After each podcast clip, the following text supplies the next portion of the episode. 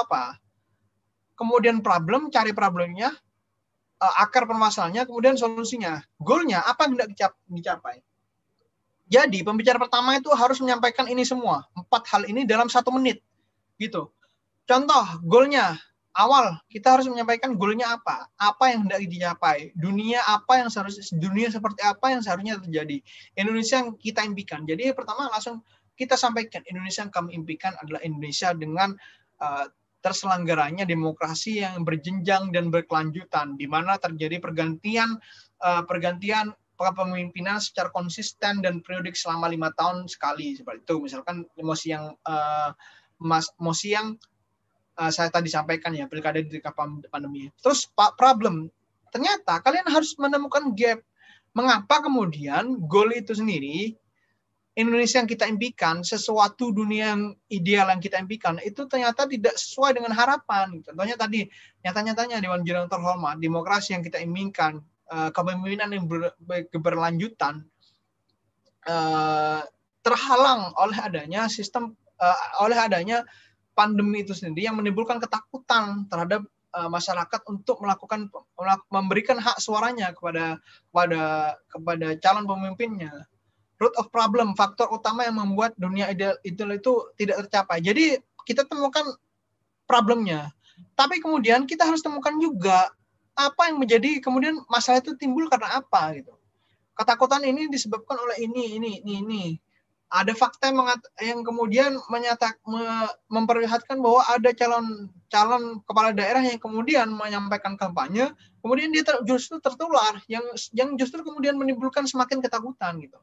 Solution, misalkan kalian ada di pihak pro ya, ya solution bahwa di sini Dewan Jurnal Terhormat uh, kita harus memberikan solusi bagaimana nantinya goal itu tersebut tetap tercapai yakni kita bisa melakukan e-voting atau uh, uh, memperlakukan protokol kesehatan secara ketat seperti itu. Jadi empat hal ini harus disampaikan oleh pembicara pertama selama satu menit. Jadi harus sudah di sudah clear itu. Artinya juri itu sudah paham maksud kalian apa, permasalahan yang akan kalian angkat itu apa, solusi yang akan kalian angkat itu seperti apa. Nah, contohnya seperti ini ya. Ini PPT lama sih, jadi uh, contohnya masih lama. Gitu. Kampanye partai politik harus didanai oleh pemerintah. Goalsnya apa? Dunia kita impikan adalah memimpikan pemilu yang adil dan transparan. Gitu. Namun kemudian Dewan Jurang Terhormat uh, jauh panggang daripada api, nyata-nyatanya Indonesia yang kami impikan tersebut terhalang oleh adanya suatu masalah. Yakni saat ini pemilu masih jauh daripada kata adil dan transparan di mana hal tersebut terlihat dari ketimpangan dana kampanye serta sumber dana yang tidak dapat dimonitorir oleh pemerintah. Oleh karena itu Dewan Jurnal Terhormat, di sini kami mendukung, uh, di sini kami memberikan memberikan solusi bahwasanya kita harus memberikan batasan kampanye, batasan uh, dana kampanye oleh pemerintah. Maka dari itu Dewan Jurnal Terhormat dengan ini kami nyatakan bahwa kami pro ataupun mendukung penuh mosi perdebatan kali ini. Nah, itu aja sudah singkat sih. Jadinya juri itu sudah paham oh gitu. Iya oke okay, oke. Okay. problemnya itu rotor problemnya gitu. Jadi tim lawan ketika nggak tahu teori ini jadi bingung oh sudah dia dia sudah sudah. Jadi kalian sudah ada pijakan gitu loh arah kalian itu seperti apa. Jadi ketiga tim itu sendiri pembicara satu pembicara dua pembicara tiga sudah jelas uh, arahnya itu akan bawa ke seperti apa dengan adanya burden of proof itu sendiri. Nah ini cara-cara rebuttal ya cara-cara membantah Rebuttal adalah sanggahan dari argumen lawan, sanggahan terhadap argumen lawan yang harus direbut adalah argumen pokok dari tim lawan. Yang harus direbet ribat ya, yang harus direbat adalah argumen pokok dari tim lawan. Rebuttal digunakan untuk membuktikan atau menunjukkan logical fallacy, kesesatan berpikir dari tim lawan. Nah, rebuttal ini merupakan klarifikasi, diperlukan ketika lawan melakukan misleading gitu, melakukan pembatasan yang terlalu sempit. Uh, dan intinya, nah ini ada garis di bawah ini merupakan sesuatu yang penting gitu. Kalian nggak boleh memberikan rebuttal terus nggak penting gitu. Contohnya tadi eh, apa yang dikatakan oleh tim konsul tidak sesuai dengan KBBI, ya, kan? nggak usah. Yang penting-penting aja gitu. Switching argument. Jadi kita harus membalik apa yang telah dituduhkan kepada tim kalian. Nah, jadi rebuttal itu bukan hanya menyanggah tim lawan, argumen tim lawan, tapi juga membalikkan apa yang telah dituduhkan oleh tim lawan kepada kita gitu. Misal dengan data atau fakta. Jadi ketika kita ingin membuktikan, jadi fakta harus disampaikan oleh fakta. Jadi ketika yang paling baik yang paling baik untuk meribatal adalah dengan fakta gitu. Kalian harus tanya data-datanya seperti apa. Contoh kemarin uh, debat debat oprek kemarin ya, ada yang bagus itu. Uh, timnya Zaki itu waktu itu lawan siapa ya? Nah awalnya penjara pertama dan penjara kedua itu ah saya sudah mengira. Nah kalau gini-gini terus uh, timnya Zaki nggak nggak mungkin menang. Tapi ternyata Zaki kemudian di penjara terakhir meskipun telat dia sudah dia menyampaikan bantahan-bantahan tentang Eh, data-data, uh, faktanya seperti apa. Nah, itu yang kemudian increase nilai dia gitu. Nah, itu buktikan bahwa argumen lawan tidak lagi eksklusif, bahwa itu sudah itu merupakan pikiran yang kolosal gitu, tidak lagi sesuai dengan perkembangan saat ini. Buktikan bahwa tim argumentasi lawan tidak tidak relevan dengan BOP-nya. Bahwa buktikan bahwa argumen kita lebih baik daripada tim lawan. Buktikan apa yang ditakutkan atau dikhawatirkan tim lawan adalah unlikely happen. Maksudnya tidak tidak akan terjadi bahwa dia itu hanya ketakutan semua saja. Nah, ini penting ini penting. Kita harus membuktikan bahwa dia itu hanya ketakutan biasa, tidak futuris. Kalau biasanya kalau mereka-mereka yang membawa uh, gagasan is constituendum ya, kalau dasarnya faktanya tidak tepat, teoritisnya tidak tepat, dan uh, pijakan perbandingannya itu tidak tepat, itu kita dengan mudahnya kita langsung bantah aja bahwa itu hanya ketakutan semu. Nyatanya fakta saat ini memperlihatkan tidak ada masalah yang begitu penting, tidak ada masalah yang begitu urgen yang kemudian kita merubah status quo saat ini untuk dijadikan uh, untuk di, untuk menjadikan apa gagasan Yuskirsenem yang dikatakan lawan untuk kemudian diterapkan di masa depan. Coba itu. Saya dengan perlahan sebelum membunuh nah saya, yang saya tadi bilang membuktikan bahwa argumen lawan itu less important daripada apa maksudnya tidak lebih penting daripada argumen kita bahwa argumen lawan hanya basa-basi saja gitu. Nggak nggak prinsipal banget daripada argumentasi kita. Nyatakan bahwa fakta yang salah. Jadi kalian harus pinter-pinter jadi biasanya tim lawan tim itu biasanya curang juga gitu. Dia menyampaikan fakta yang nggak benar gitu. Jadi kalian harus benar-benar menemukan mana fakta yang benar, mana data yang salah, mana data yang benar, mana data yang salah gitu. Irrelevant proof, bukti yang tidak relevan, uh, illogical. Jadi hal-hal yang tidak masuk akal itu disanggah oleh di bagian rebuttal gitu. Nah ini ya hal-hal yang tidak boleh dilupakan dalam debat. Dalam debat. Ini dalam prakteknya. Maksud saya ini dalam uh, kompetisi debatnya seperti apa? Yang pertama sense of postingnya. Nah, juri itu kemungkinan telah lelah mendengar perdebatan. Jadi juri itu jangankan juri yang sudah sepuh-sepuh itu ya. Saya aja masih muda ketika kemudian menjuri itu ya. Aduh, apa sih ini bacot nggak nggak dasar banget ini ngomong apa sih gitu. Jadi aku sudah lelah jadi mulai pertama sampai terakhir dia mendengarkan perdebatan aja pusing gitu ngalor ngidul gitu kan apalagi baru mahasiswa nggak tahu teorinya seperti apa. Jadi kuncinya seperti apa untuk melakukan untuk melakukan ini sendiri. Jadi kita langsung memberikan penomoran gitu. Yang pertama dewan juri yang terhormat, yang kedua dewan juri yang terhormat. Akhirnya juri itu paham mana tadi dia ngomong apa ya. Oh ya, yang pertama tadi itu. Jadi juri itu juga nyatet loh. Nah ini. Oh yang kedua ini. Oke siap. Jadi argumentasinya dia satu ini, dua ini. Nah kemudian kontra lawan kontra nggak melakukan penomoran misalkan. Tadi dia apa? Akhirnya dia hanya menang juri hanya menganggap bahwa argumen dia oh argumen dia ternyata cuma satu ya gitu. Jadi harus ada penomoran gitu. Yang pertama urgensi yang kita bawa ada yang pertama ini. Yang kedua ini. Langsung pakai gestur gitu. Nah ini mana gestur ya? Nah ini gestur langsung. Yang pertama ini dewan jurang termat yang kedua ini dewan jurang termat. Masalahnya yang pertama ini masalahnya yang kedua ini solusinya yang pertama ini solusinya yang kedua ini seperti itu. Ada penomoran di sana uh, practicalities, technicalities. Jadi jangan bertele-tele, jangan bertele-tele, nggak usah terlalu panjang. Uh, kemudian itu ya, jangan terlalu bertele-tele yang yang sehingga kalian menghilangkan poin-poin argumen yang sesungguhnya penting, justru kalian nggak sampaikan. Karena uh, lawan itu juga pinter. Ketika itu sudah argumen yang merasa argumen itu yang bagus, langsung di di masalah yang yang sebelumnya kalian sampaikan. Jadi yang bagus-bagus itu kalau bisa uh, ya memang nggak boleh ditaruh di depan semua, tapi kalau bisa sekian persen ditaruh di depan, kemudian yang belakang-belakang itu sisakan yang eh, waktu-waktu uh, yang tidak bisa di di rebuttal gitu. Rebuttal penting, gestur gitu. Gestur juga tentang tentang gestur juga saya peringatkan kepada teman-teman gitu ini intonasi ya, intonasi.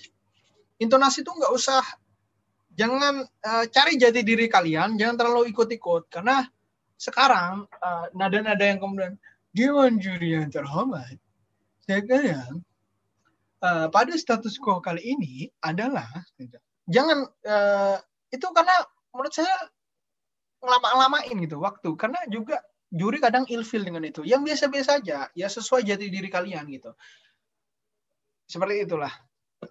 Membedakan rebuttal argumen nah ini nah dalam debat saya, saya waktu itu waktu coaching si Sofi, si Sela, kemudian si Dinda itu saya sampaikan di, dia, kamu selain menyampaikan pokok pikiran kalian, selain menyampaikan materi kalian, siapkan kertas lain. Kertas itu isinya adalah sanggahan, interupsi. Jadi ya sebagai sebagai instan apa insan intelektual lah, kalian bisa menebak-nebak uh, tim lawan itu akan bicara apa, tim lawan akan bicara apa, itu kalian pasti bisa nebak lah dari kalian membaca materi literatur. Jadi kalian tulis dulu, oh yang pertama nanti aku akan interupsi ini, nanti dia pasti bilang ini deh. Yang, yang banyak wes. Nah, jadi kalian waktu perdebatan tinggal bunderin aja, oh ini ini akan interupsi ini. Oh iya, dia dia ngomong ini ternyata. Jadi jadi kalian sudah siap, gak usah mikir oh ya apa ya? Dia ngomong apa? Oh interupsinya apa ya? Nggak usah nggak usah gitu. Jadi kalian sudah siap dulu. Interupsinya itu apa sudah siap gitu. Susun uh, mana lagi? Sampai mana tadi? Ekspresi nah ekspresi. Susun urgensi logis eksklusif dan penting gitu. Jadi tetapkan jati diri kalian seperti apa. Jangan terlalu ikut-ikut nada orang gitu. Karena kalau kalian pasti sudah pernah lihat lah debat-debat yang sekarang ini dia ngomongnya biasa aja gitu. Malah lebih lebih harismatik lebih ya lebih intonatif yang lebih bagus lah nah Nah ini pragmatik benefit ketika kalian uh, sudah stuck gitu, stuck itu apa ini ya solusinya itu apa yo? Sebenarnya merasa kalian merasa terdolimi. Nah Sofi itu sering terdolimi oleh Mosi dia.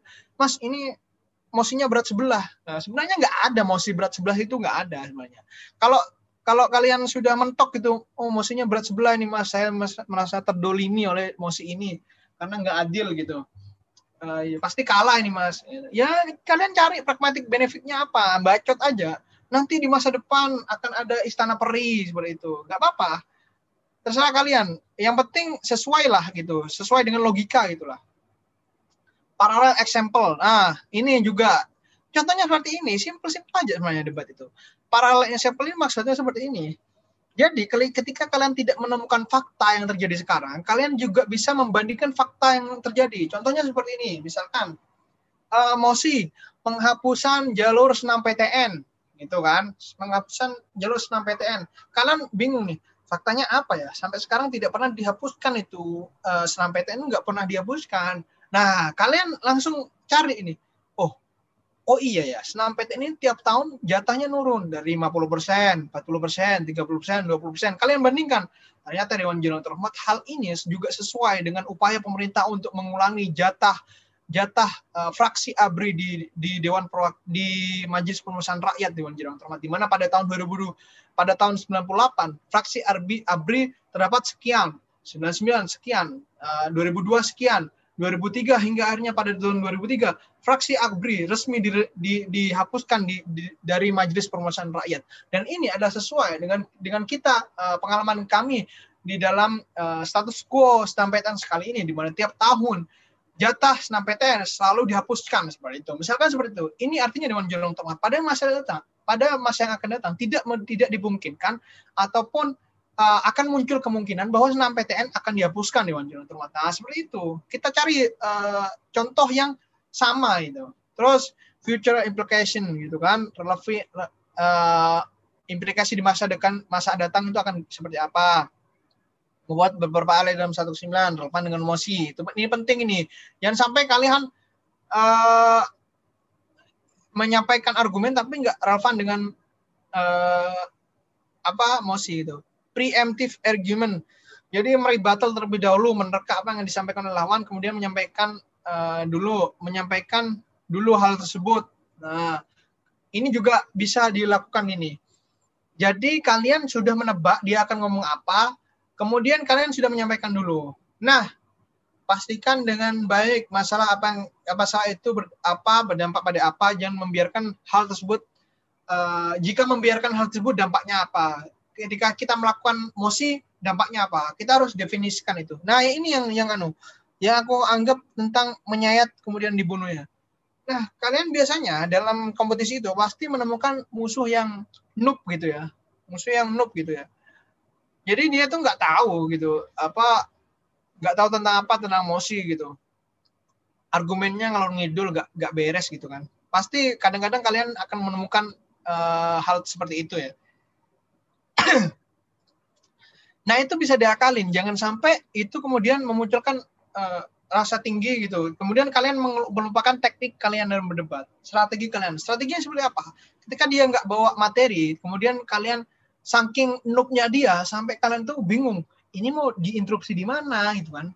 Dia kacau semua gitu. Akhirnya saking noobnya dia sampai kita tuh bingung mau, mau interupsi gimana. Nah caranya kita bangun sendiri kasih argumen gitu. Kasih argumen, eh bro, kamu kamu kamu pasti meyakinkan hal ini kan? di masa dagang kamu akan meyakinkan hal ini kan? Tapi sebenarnya itu salah gitu. Kita jadi memberikan memberikan argumen membangun argumen untuk dia seakan-akan mendukung pendapat dia tapi kemudian kita jatuhkan tersebut.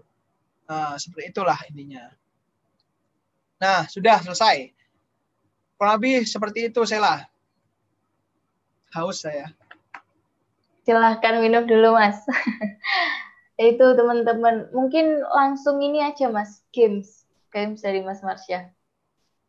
Saya oh, mendengar okay. apa pemateri apa materi ini udah tiga empat kali ini kayaknya mas. Jadi itu nggak pernah bosan. Nggak nggak pernah bosan mas.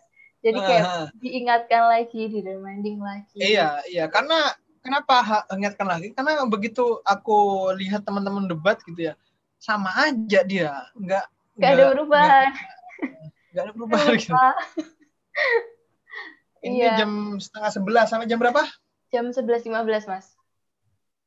Oke, nggak ada sesi tanya jawab dulu atau eh, gimana? Uh, tanya jawabnya setelah games aja. Oke, uh, boleh. M mungkin ini langsung praktek aja ya. Praktek aja uh, dua menit, tiga menit berbicara lah nanti. Pembicara iya, iya, satu dua menit, pembicara dua tiga menit, pembicara tiga tiga menit. Nggak uh, usah pembicara penutup lah, langsung kita anu aja. Mungkin ada teman-teman yang apa namanya bersedia tiga lawan tiga. Ayo, tiga lawan tiga.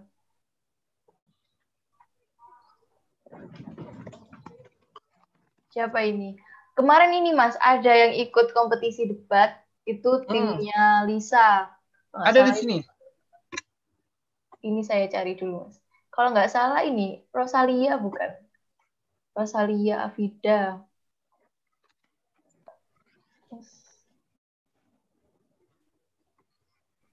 Jadi memang apa uh, kita daring ini debat itu kita itu semua online ya mas debatnya itu mengirimkan video iya saya video sayangnya itu sayangnya itu sebenarnya kalau offline ya kalian itu bisa kasih uh, sedikit serangan psikis gitu ke teman misalkan dengan raut mimi itu nggak masalah kemudian mau bertanding kemudian kalian kasih apa gitu ngobrol-ngobrol dikit atau tidak memberikan obrolan gitu sah-sah saja sebenarnya Nah ini mungkin ada yang mau kasih gitu. Sebentar aja, nggak usah lama-lama. Emosinya, yeah. kalian kan kemarin kajian tentang pilkada, pilkada serentak di tengah pandemi, ya kan? Itu aja wes. Pilkada serentak di tengah pandemi. Apa ditunjuk Ayo, teman -teman. aja ya? Iya, kamu tunjuk wes. Ini. Berarti tiga-tiga ya, Mas? Enam ya? Iya, tiga-tiga. Enam. Foni. Foni, halo Foni. Foni, Foni. terus langsung up.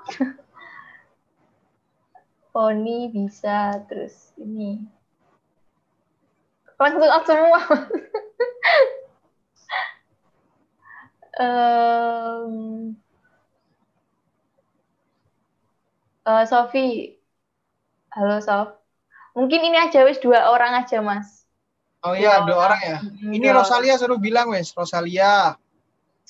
Yang yang katanya ikut lomba coba. Iya. Uh, Gifari ini mana coba muncul orangnya. Uh, Gifari. Yang 2019 saja. Iya, Halo. ini Tadi siapa berarti halo Foni, Gifari. Foni sama Gifari. Foni sama Givari. Terus Foni Gifari. Dua dulu aja, Mas. Kayaknya yang lain langsung. eh dua dua lawan dua lah, dua lawan dua. Ya, dua lawan. Dua lawan Sat- dua. Satu lawan. Oh, dua, dua. Berarti kurang dua, lawan ya. dua. Ya, Eh, Viko, Viko apa Viko. masih di sini ya? Tadi bilang. eh, oke. ingin- Viko sama Rosalia ya. Oh ya, boleh. Gifari Ah, sama Foni. oke. Sanggup ya, teman-teman ya. Halo, Foni, Eh, Viko. saya beri waktu ini deh, lima menit, apa empat menit atau lima menit untuk menyusun argumentasinya. Jadi ada yang bertindak sebagai pembicara pertama, ada yang bertindak sebagai pembicara kedua, dan masing-masing pembicara itu bisa saling eh, menyanggah. Jadi pembicara sejak pembicara satu itu sudah bisa disanggah, pembicara kedua nanti saling saling menyanggah gitu, menggunakan eh, la- alur berpikir yang tadi. Hmm. Siap ya? Foni sama siapa tadi? Foni, Gifari, Viko sama Foni Rosalia. Givari, Iko sama Rosalia. Oke. Iya. Silakan 5 menit dari Eh. sekarang berarti sampai 10.31. Halo, Foni, Gifari, sama Rosalia Iya. boleh open cam ya. Gifari, kemudian Foni, Foni, dan satunya tadi Rosalia mana?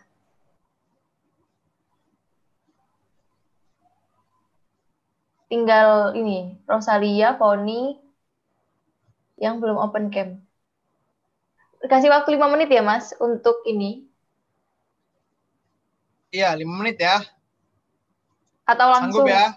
Atau langsung? Jangan, kasih dulu dia Oh, dia iya, biar membangun good enough proof-nya gimana, DOP-nya Hmm. gimana. Nah, ini udah tiga, Mas. Halo, Foni. Sanggup ya, Viko, Gifari, dan Rosalia? Mbak, belum tahu topiknya. Topiknya pilkada. Ya, Mas, pilkada. Nanti, Iya, pilkada serentak di tengah pandemi. Gitu iya, pilkada seretak di tengah pandemi. Ini, Kemarin kan sudah kajian Hmm. kan? iya. Rosalia sama Gifari, Viko, dan Foni ya. Satu Iya, tim. Foni mana Foni nih? Halo, Foninya Foni. nggak ada. Ayo, Fon. Ayo, Fon. Bentar. Bentar, oh ya, Kak. sebentar. Bentar. Iya, iya. Ini eh, Atau Vi- atau digenepin 3 lawan 3 tah? Biar pas gitu. Iya sih boleh. Tapi yang Ya paling- langsung tunjuk tunjuk wis. Kurang tunjuk. dua ah, ini ya? ada Avina ini loh, ada Avina. Mana? Oh, oh ya, Avina, Avina. Avina Margareta. Avina Nakita. Avina Nakita masuknya eh, tim Viko ya. Avina Avina Apa lagi? Nakita. Satunya Sabik, sabik. Sabik, Mbak. siapa Nah, ini? mana?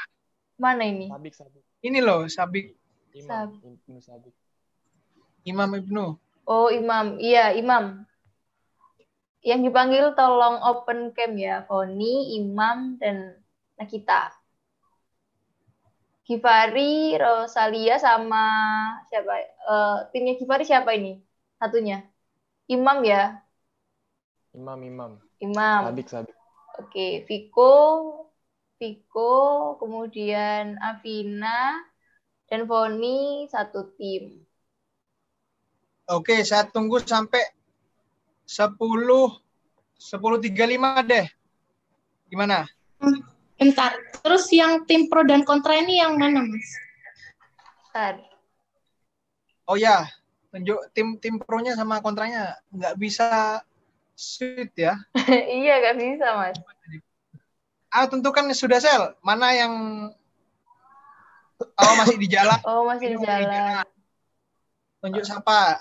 Siapa ya satunya? Dewi? Ini loh, Siapa ini? di atas Ainus? saya ada. Ainus?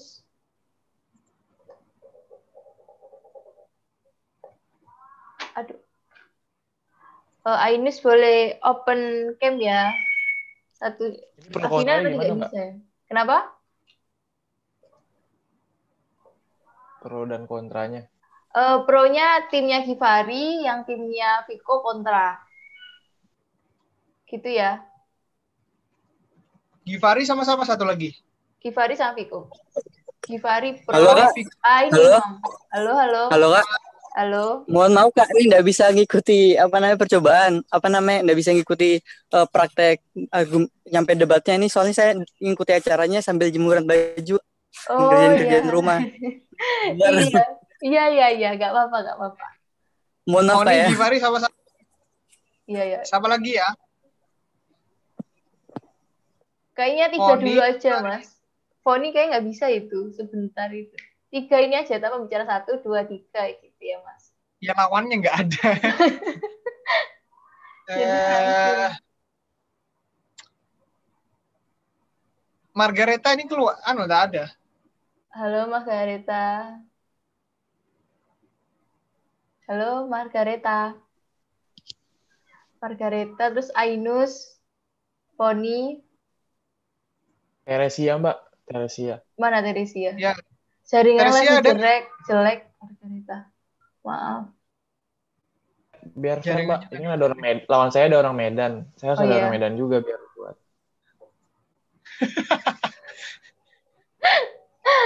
Iya, iya, iya. dua lawan dua ya. Jadi pro-nya Foni sama Givari. Sama Rosalia. Viko ini belum dapet tim tadi. Soalnya tadi yang dimasukin timnya nggak bisa semua ini, Mas. Eh, sama Foni ya, sorry, sorry. Foni. Viko sama Foni, Givari sama Rosalia. Mungkin dua dulu aja ya, Mas. Yang Ya, bisa kayak dulu ya, dua Mas. dulu. Iya.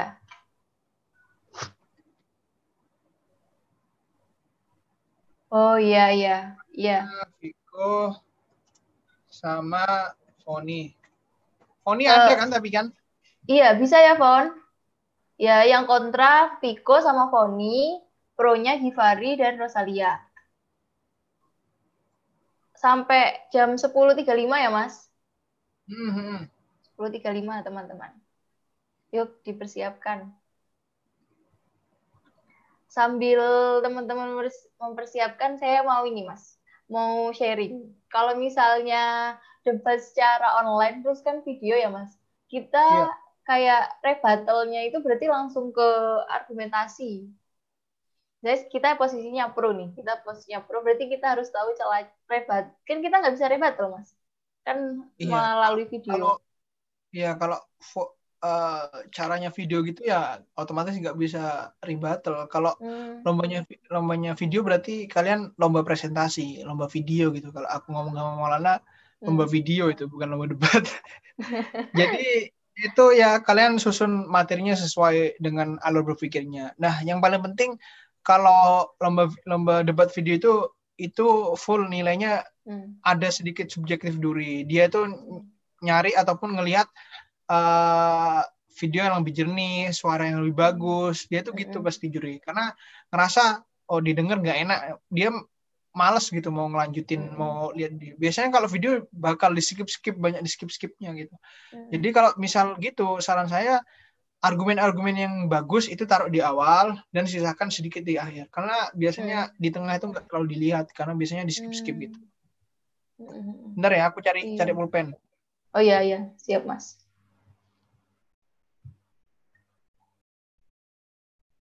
Kurang 4 menit lagi ya teman-teman. Mosinya pilkada serentak di masa pandemi. Aku tulis bentar di chat.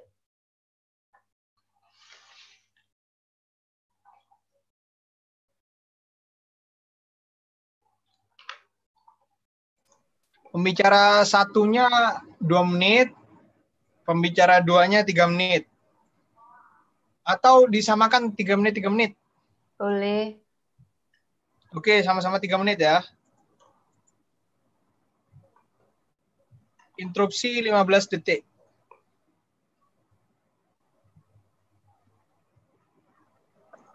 Mbak, nggak siap, Mbak. Nggak apa-apa, nggak apa-apa. Eh, sambil repean nggak apa-apa. Oh, Sama, saya sama Rosalia ya? iya, sama kamu sama sama sama Rosalia. Nanti baca nggak apa-apa ya Mas, diperbolehkan ya. Nggak apa-apa, nggak apa-apa. Nanti Mm-mm. ah, nanti bisa kasih bisa aku kasih sedikit ah, komentar lah. Foni ada kan orangnya? Ada tadi tapi bilangnya bentar gitu. Hmm. Halo Foni.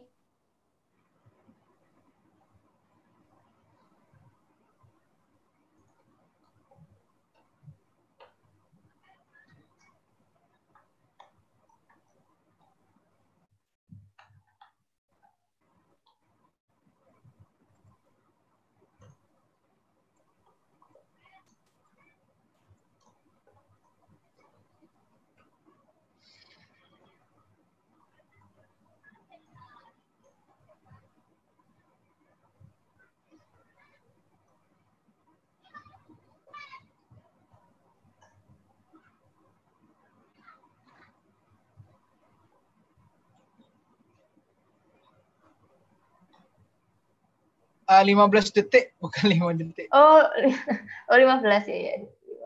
15. Detik ngomong ah, hilang.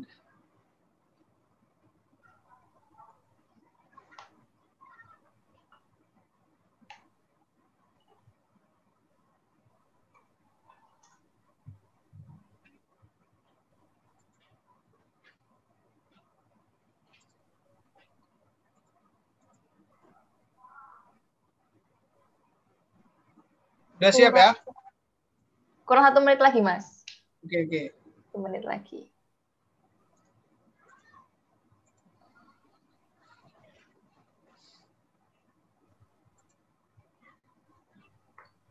Ini tiap pembicara mau dikasih interupsi atau hanya pembicara yang keduanya, Mas? Eh, bolehlah setiap pembicara bisa diinterupsi karena cuma dua ini. Oke, Coba tiga bisa ideal enak. iya. Jadi jangan lupa eh, rebuttal setiap akan berbicara. Jadi in, apa materi nggak usah banyak-banyak gitu. Simple aja, yang yang pokok-pokok aja. Sisanya kalian rebuttal gitu. Di awal kalian rebuttal, kemudian itu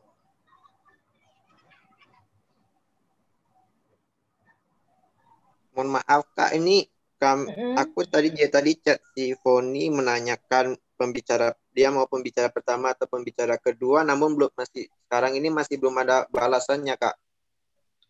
oh hilang paling mudah. iya. Kayaknya yang debat Viko sama Givari aja deh, Mbak. Satu-satu. Iya, siap ya Viko Givari. Dua aja Ini nggak apa-apa ya Mbak ya, kekurangan nggak materi nggak apa-apa kan?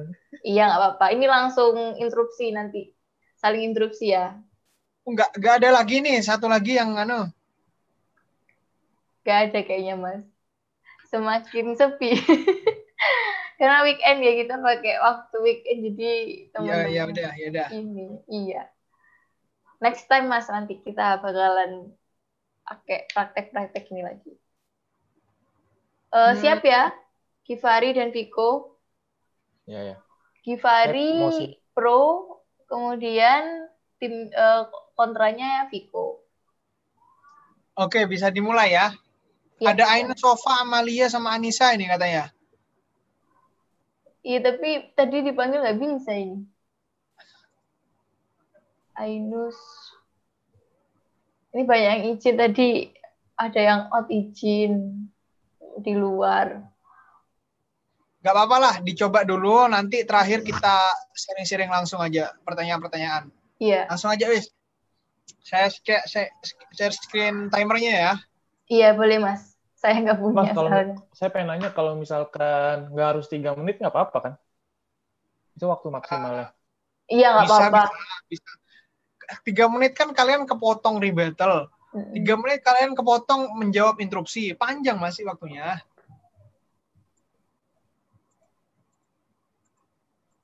Siap ya? Emosi dulu ya. Pemanasan dulu. Saya belum pernah debat ya. Allah.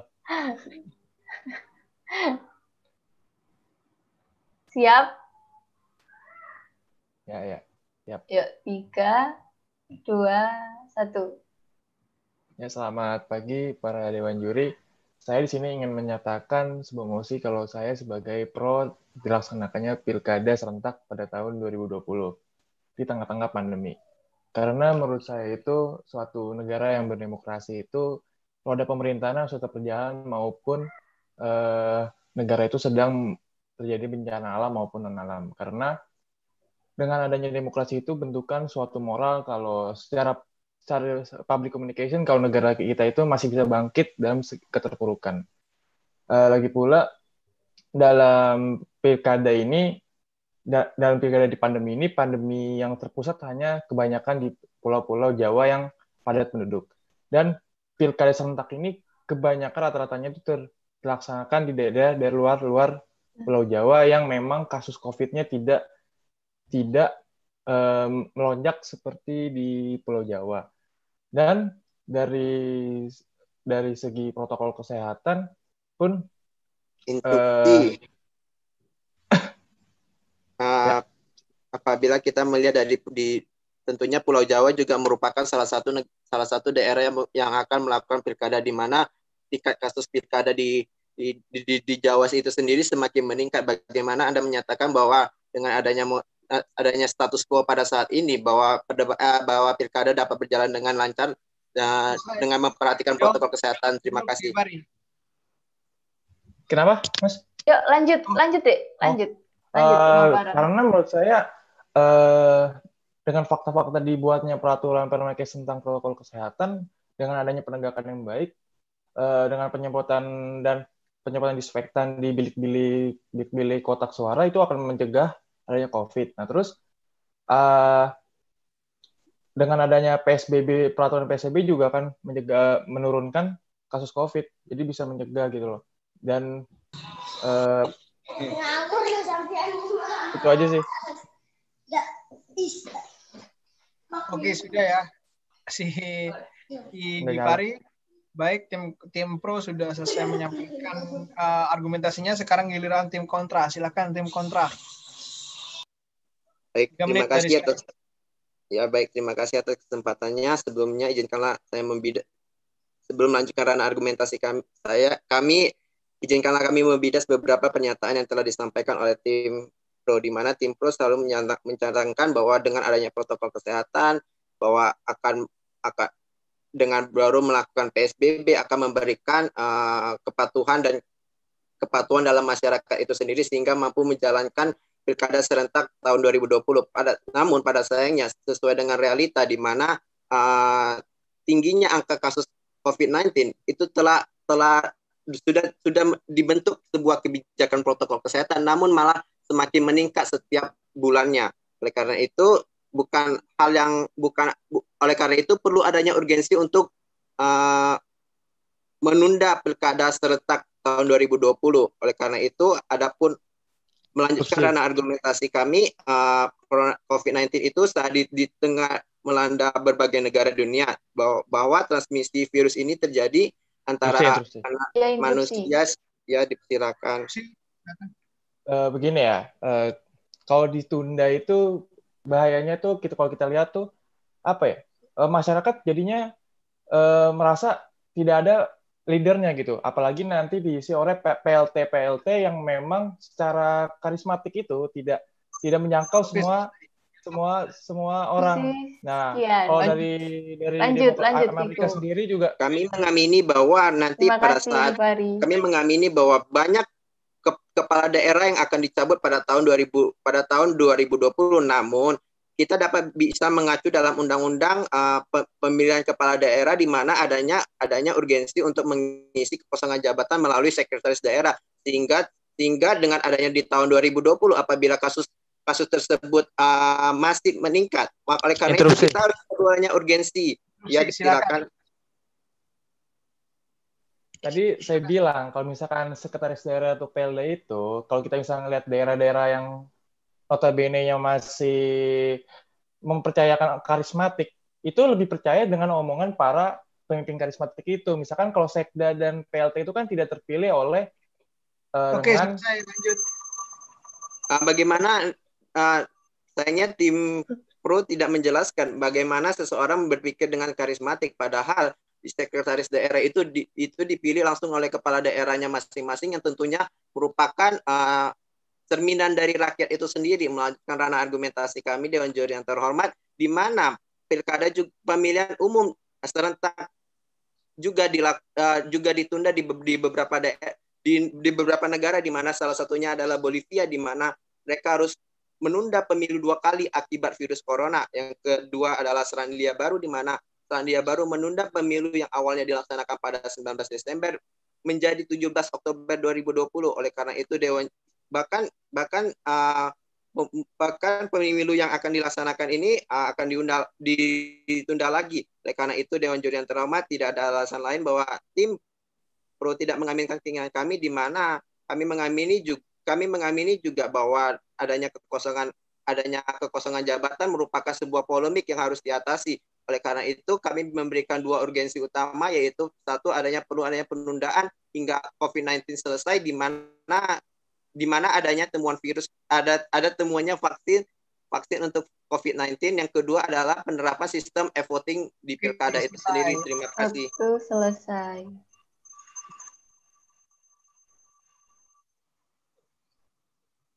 Oke, uh, ada langsung aja ya, biar nanti bisa teman-teman yang lain bisa mengajukan pertanyaan di sisa waktu uh, diskusi kita kali ini. Seringkali seperti ini, uh, teman-teman itu kehilangan dari dari langsung aja dari tim pro dari tim kontra ya. Tim pro itu kehilangan ke kreativitas untuk me menggunakan kata-kata penghubung di antara satu argumen dengan satu argumen yang lain Nah, sering kali teman-teman menggunakan di mana, di mana, di mana, kemudian selanjutnya, selanjutnya, selanjutnya bisa digunakan sementara Dewan Jurang Terhormat, lebih lanjut Dewan Jurang Terhormat. Coba kita lihat kembali Dewan Jurang Terhormat. Seperti itu. Bisa digunakan kata-kata yang lebih variatif gitu. Kemudian coba mengganti eh, kata-kata uh, mengamini kemudian mengamini kita mengamini coba diganti dengan kita percaya Dewan Jalan Tempat. Kami di sini percaya, kami di sini meyakini seperti itu. Ada banyak banyak pilihan-pilihan kata gitu untuk untuk untuk digunakan agar uh, Dewan Juri itu juga enak mendengarnya. Uh, benar Dewan Juri juga nggak bosen gitu. Gitu ya. Uh, kemudian menurut saya ketika ketika kita berinterupsi itu nggak usah uh, menunggu itu. Langsung aja to the point. Apa yang ingin diinterupsikan langsung interupsikan karena kita pun cuma punya cuma punya waktu 15 menit tidak perlu menggunakan menurut kami di Manjinong tidak perlu langsung aja apakah kemudian langsung aja langsung aja pertanyaan interupsi kan intinya kan pertanyaan gitu kan Pak Canggahan atau pertanyaan kan sering kali menggunakan pertanyaan apakah kemudian gitu bagaimana kemudian jika gitu. namun Dewan Jenderal Terhormat apakah tim kontra dapat menjamin seperti itu gunakan kata-kata yang kemudian dapat uh, apa ya merespon cara berpikir orang seperti itulah. Kurang lebih seperti itulah. Cukup cukup baik sebenarnya karena teman-teman sudah banyak paham lah tentang debate. Terus bagaimana kita uh, implementasinya di, di di kompetisi debat itu. Mudah-mudahan tahun-tahun berikutnya bisa langsung uh, bisa selesai lah pandemi ini bisa bisa kita debate secara langsung. Karena kalau debate secara video itu kayaknya kayak lomba presentasi. Mungkin itu saya mungkin dari teman-teman ada pertanyaan di sisa waktu sekitar 15 atau 20 menit ini. Iya. Terima kasih Givari, Viko. Mungkin dari ini komentarnya dari Mas Marsha mau bertanya. Boleh. Dari teman-teman yang lain.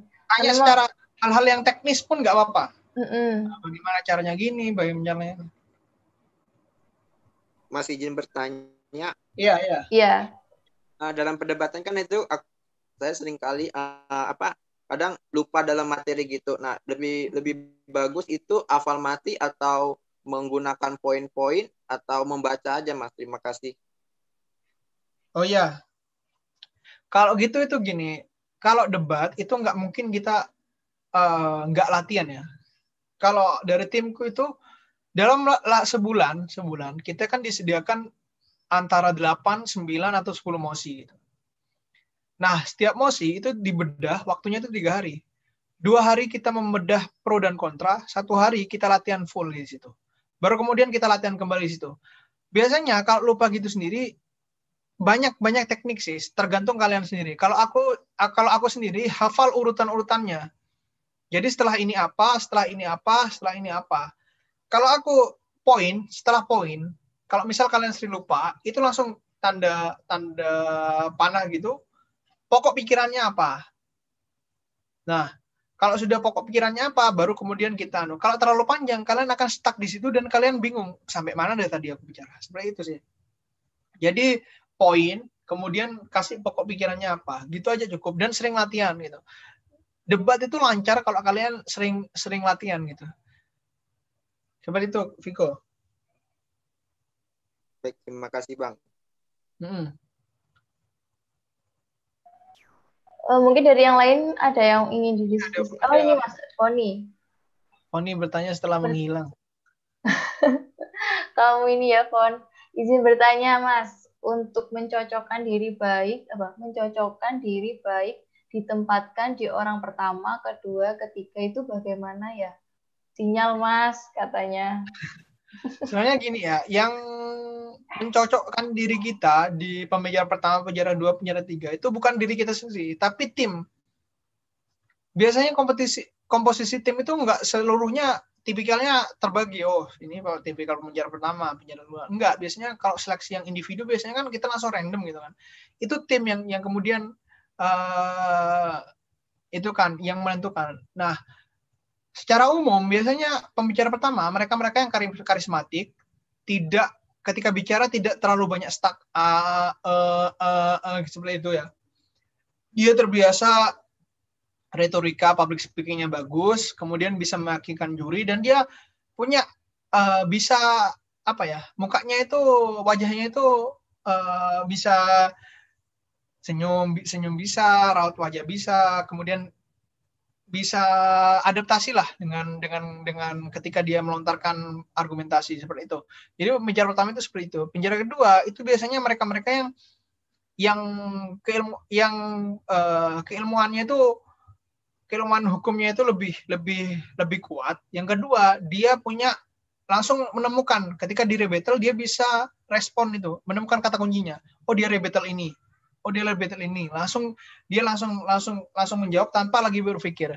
Itu bisa itu sebenarnya bisa dilatih sih ter, tergantung kebiasaan. Nah itu teman-teman biasanya kalau biasanya di di interupsi itu cenderung agak lama mikir. Nah detik terakhir detik terakhir secara teknis 15 detik ya dua detik itu dua detik menit apa detik kedua ketika kalian sudah diinterupsi langsung jawab itu langsung jawab. Nggak usah nunggu dia sampai sampai selesai apalagi sampai lebih nggak usah. Satu detik itu langsung kalian sudah siap menjawab gitu.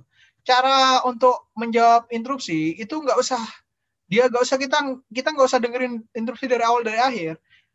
Tentukan aja kata kuncinya apa? Dia bilang apa sih? A langsung tulis A. Kalau kalau lupa langsung tulis A langsung tulis tanda tanya gitu. A tanda tanya. Langsung jadinya kita bisa merespon gitu langsung langsung bertanya. Itu seiring kita latihan itu bisa Kemudian pembicara ketiga itu yang lebih tenang, hampir sama dengan pembicara pertama itu itu lebih tenang, namun dia juga dapat merespon uh, merespon interupsi dengan lebih baik. Sebenarnya yang berat itu pembicara pertama, pembicara ketiga sih, yang paling berat. Pembicara dua itu tinggal dia bacot aja dan kemudian fakta-faktanya di, diambil di dia semua sebenarnya. Materinya banyak diambil oleh dia. Itu Sel. Ini ada yang bertanya lagi. Oh iya, itu Poni. Mungkin Foni ada feedback atau mau bertanya lagi?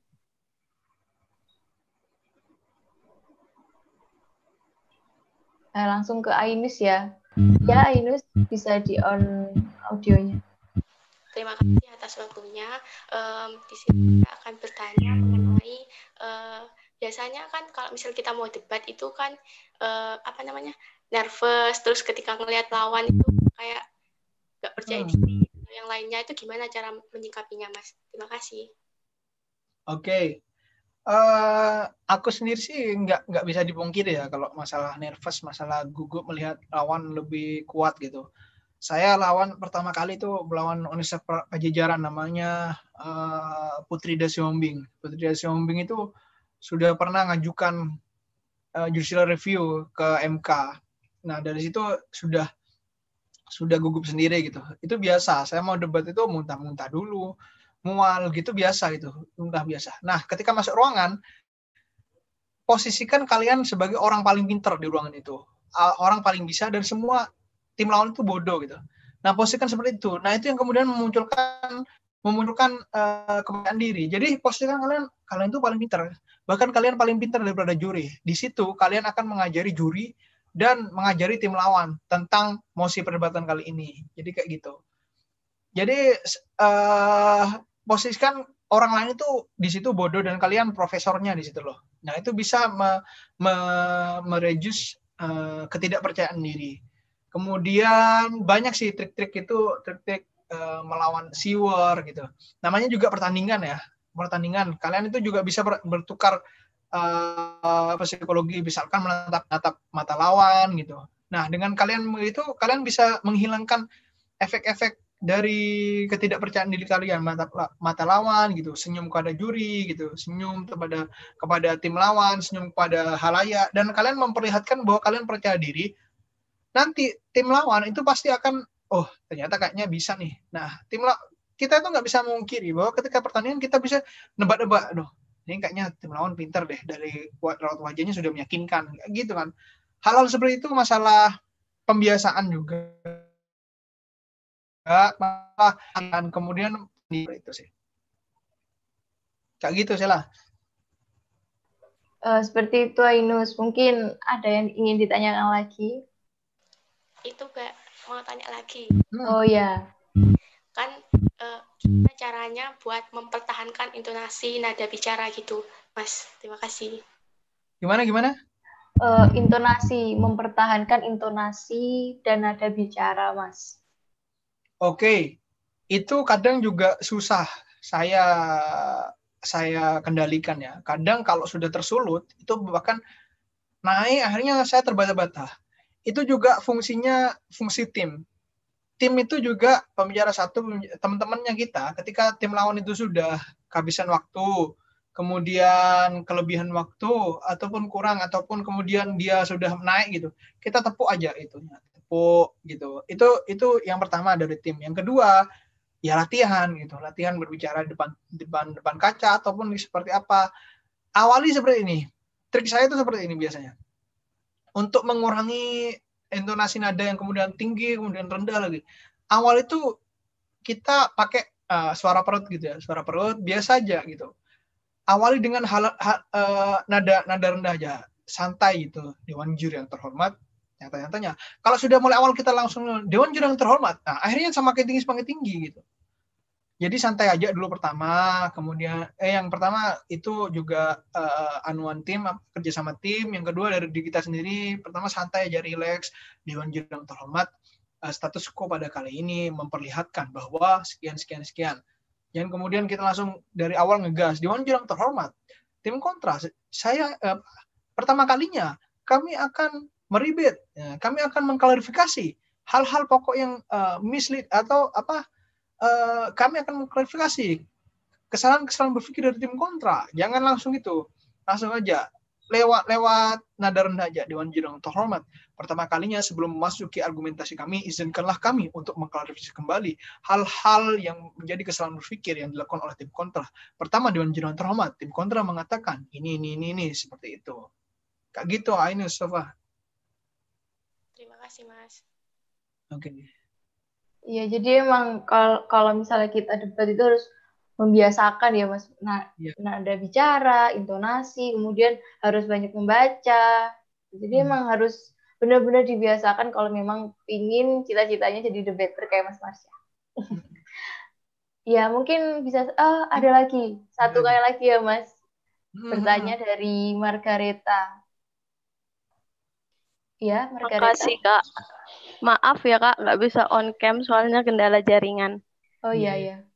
Kak mau tanya, ya uh, gimana cara kita menyikapi uh, ketidakkompakan dalam tim? Karena saya pernah sekali hmm. waktu mengikuti debat, hmm. uh, kan diberi waktu untuk apa membahas mosi. Nah di situ kami sudah membahas mosi tersebut, sudah membagi pembicara satu membicarakan apa, kedua pembicara kedua apa, ketiga apa. Dan tapi nyatanya saat debat itu berlangsung, uh, materi yang akan disampaikan oleh saya disampaikan oleh pembicara satu terlebih dahulu. Jadi ketika uh, waktu saya untuk menyampaikan argumen tersebut argumen saya, saya uh, kekurangan materi untuk menyampaikannya. Itu gimana menyikapinya ya, Mas?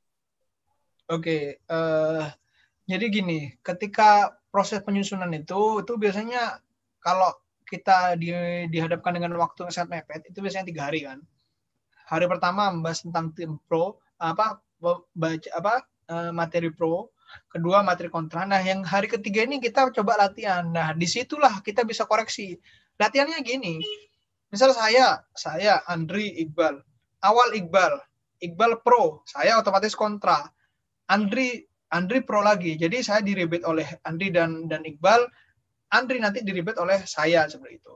Nah, dari situ kelihatan materi-materi mana yang sama. Kemudian kita oh Dri, iki podo kok Andri uh, wis wis tak go apa sudah sudah aku aku bawa ini kayaknya. Ini kayaknya sama Andri argumentasi argumentasi kita. Nah, di situ kita bisa uh, koreksi di situ. Kalau masalahnya teknis seperti yang kata Margareta tadi.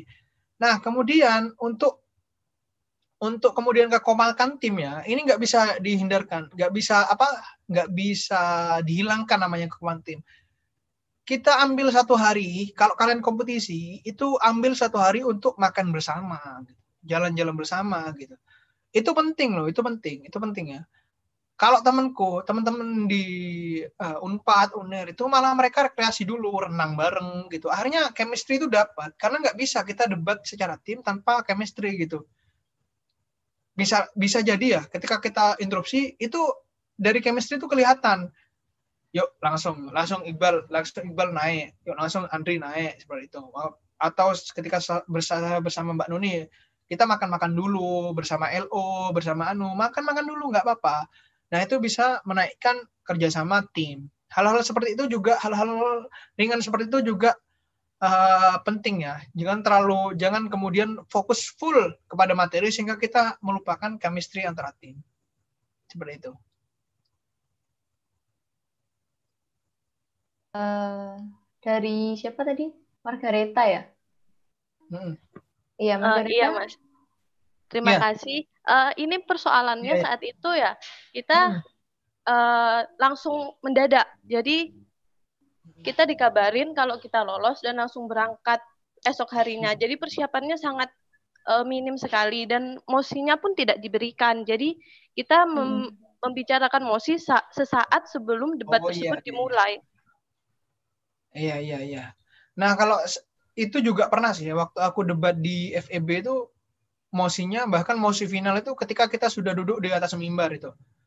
Nah, caranya yang kita bagi di situ, kita bagi di situ. Kan argumentasi itu poinnya tuh kalau nggak satu ya dua kan. Nah, dari situ kita bisa bagi gitu.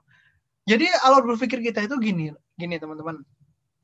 Tentukan satu atau dua urgensi. Uh, kemudian itu kita bagi. Misalkan yang pertama argumentasi pokoknya itu A, argumen penjara kedua argumentasinya pokok B, penjara ketiga argumentasinya pokok C gitu. Nah, itu sudah menjadi cukup pembeda. Ketika kemudian kita stuck sama, kita kita bisa improve. Misalkan kita membawakan data yang sama. Nah, penjara ketiga sudah sudah stuck, sementara dia sudah membawakan argumentasi pokoknya, tapi dia masih nggak cukup waktu. Bolehlah kita ulang lah, nggak apa-apa. Kita berikan pep, ngepepet, pepet apa? Waktunya e, mepet banget ya sama mau debat itu boleh di, di, disampaikan lagi dengan improvisasi misalkan ketika penjara dua sudah membicarakan data ya penjara ketiga nggak ada waktu boleh dia membicarakan data lagi dengan improvisasi dengan kata-kata pemanis gitu dibuktikan kepada tadi uh, uh, seperti halnya yang disampaikan oleh penjara dua Dewan Jenderal Terhormat bahwa data ini menunjukkan yang tersebut nyata-nyatanya berimplikasi kepada hal yang masa akan akan datang. Misalkan penjara dua mengatakan mengimprovisasi data itu untuk masa yang akan kini. Jadi penjara ketiga bisa membicarakan kepada uh, implikasi data tersebut di masa yang akan datang. Seperti itu alur berpikirnya itu bisa diimprove sih. Hal-hal seperti itu bisa bisa diimprove. Seiring kita banyak latihan, seiring kita banyak membaca, seiring kita banyak menganalisis. Terus kemudian saya kasih trik satu ya.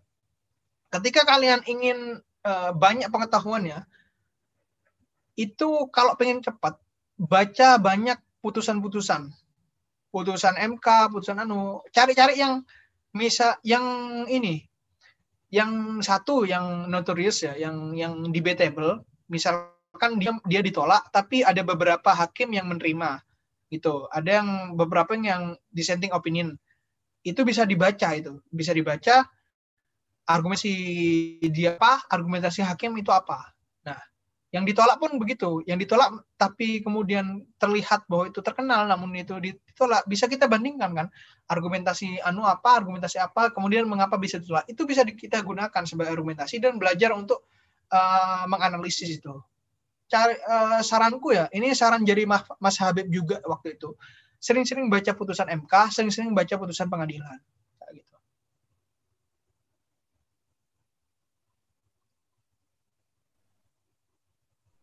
Baik, Mas. Terima kasih. Iya, sama-sama. Iya, mungkin ini ya, Mas. Apa improvisasi yang teman-teman takutkan itu jam terbang. Jadi, semisal iya. tiba-tiba saat itu juga lima menit, kayak tadi ini, mereka banyak yang nggak mau kan. Banyak yang takut karena memang nggak terbiasa untuk itu. Takut salah lah, kebanyakan seringan takut salah kita mau berargumentasi. Iya, pembiasaan aja. Ya. Ya, ya. Mungkin satu penanya lagi ya, Mas, boleh ya? Ya, boleh, boleh. Ya, uh, silakan Rosalia. Rosalia V. Ya. Uh, Mas, saya mau bertanya. Uh, bagaimana cara kita menyikapi jika ada hal yang seperti ini? Misal saya sebagai pihak kontra ingin melakukan instruksi terhadap pihak pro. Namun pihak pro ini seolah-olah tetap tidak mendengarkan instruksi dari saya dan tetap berargumen. Apakah tindakan seperti itu ada teguran tersendiri dari Dewan Juri? Terima kasih.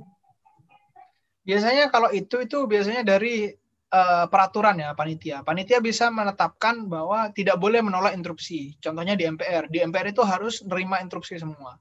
Ada kemudian yang boleh terserah, boleh menerima, boleh tidak. Nah, hal-hal seperti itu biasanya juga penilaian juri. Oh, anak ini nggak bisa nggak mau menerima instruksi. Kayak kemarin saya final di lomba debat FEB, tim lawan sama sekali satu pun tidak pernah menerima instruksi dari saya. Itu bisa diakalin sih di akhir pembicaraan kita itu bisa kita jatuhkan mereka. Hingga detik ini Dewan Jelang Terhormat tidak ada satupun instruksi dari kami yang diterima oleh tim kontra. Hal ini menandakan tim kontra menutup ruang diskusi dalam perdebatan ini dan mengakui kekalahannya akibat tidak tidak dapat membuka ruang diskusi pada kali ini. Hal ini jelas Dewan Jelang Terhormat di mana argumen kami lebih terbuka di sini dan argumen kami bisa menerima solusi-solusi untuk pertembangan dan mendukung mosi perdebatan kali ini pada masa yang akan datang. Seperti itu. Hal-hal seperti itu tuh uh, itu sih uh, juga improvisasi. Bagaimana kalian bisa lancar untuk beretorika, banyak untuk mendengarkan, banyak untuk membaca, kayak gitu. Terima kasih, Mas. Nah, Oke. Okay.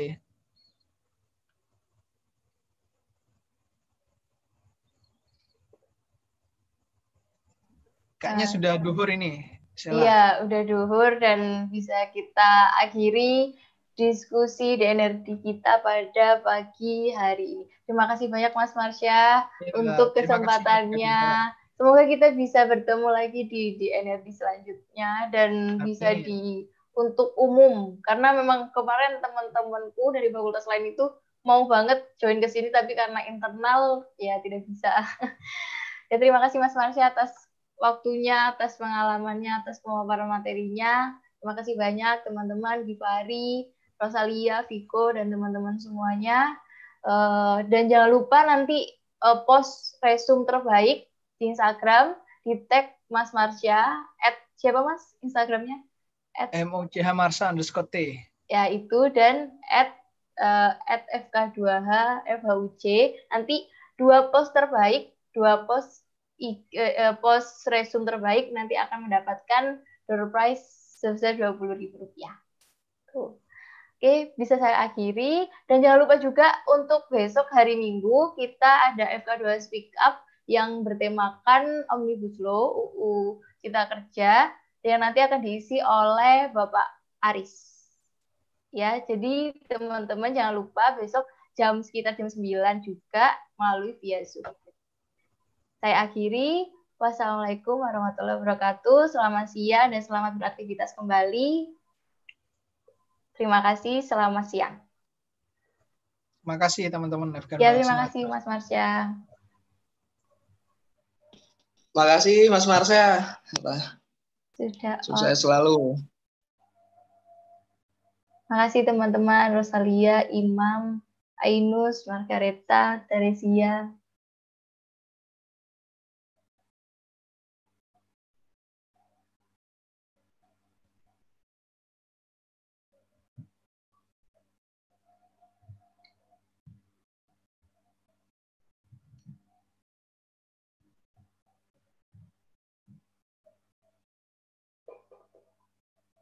Boleh diakhirin ya. Assalamualaikum.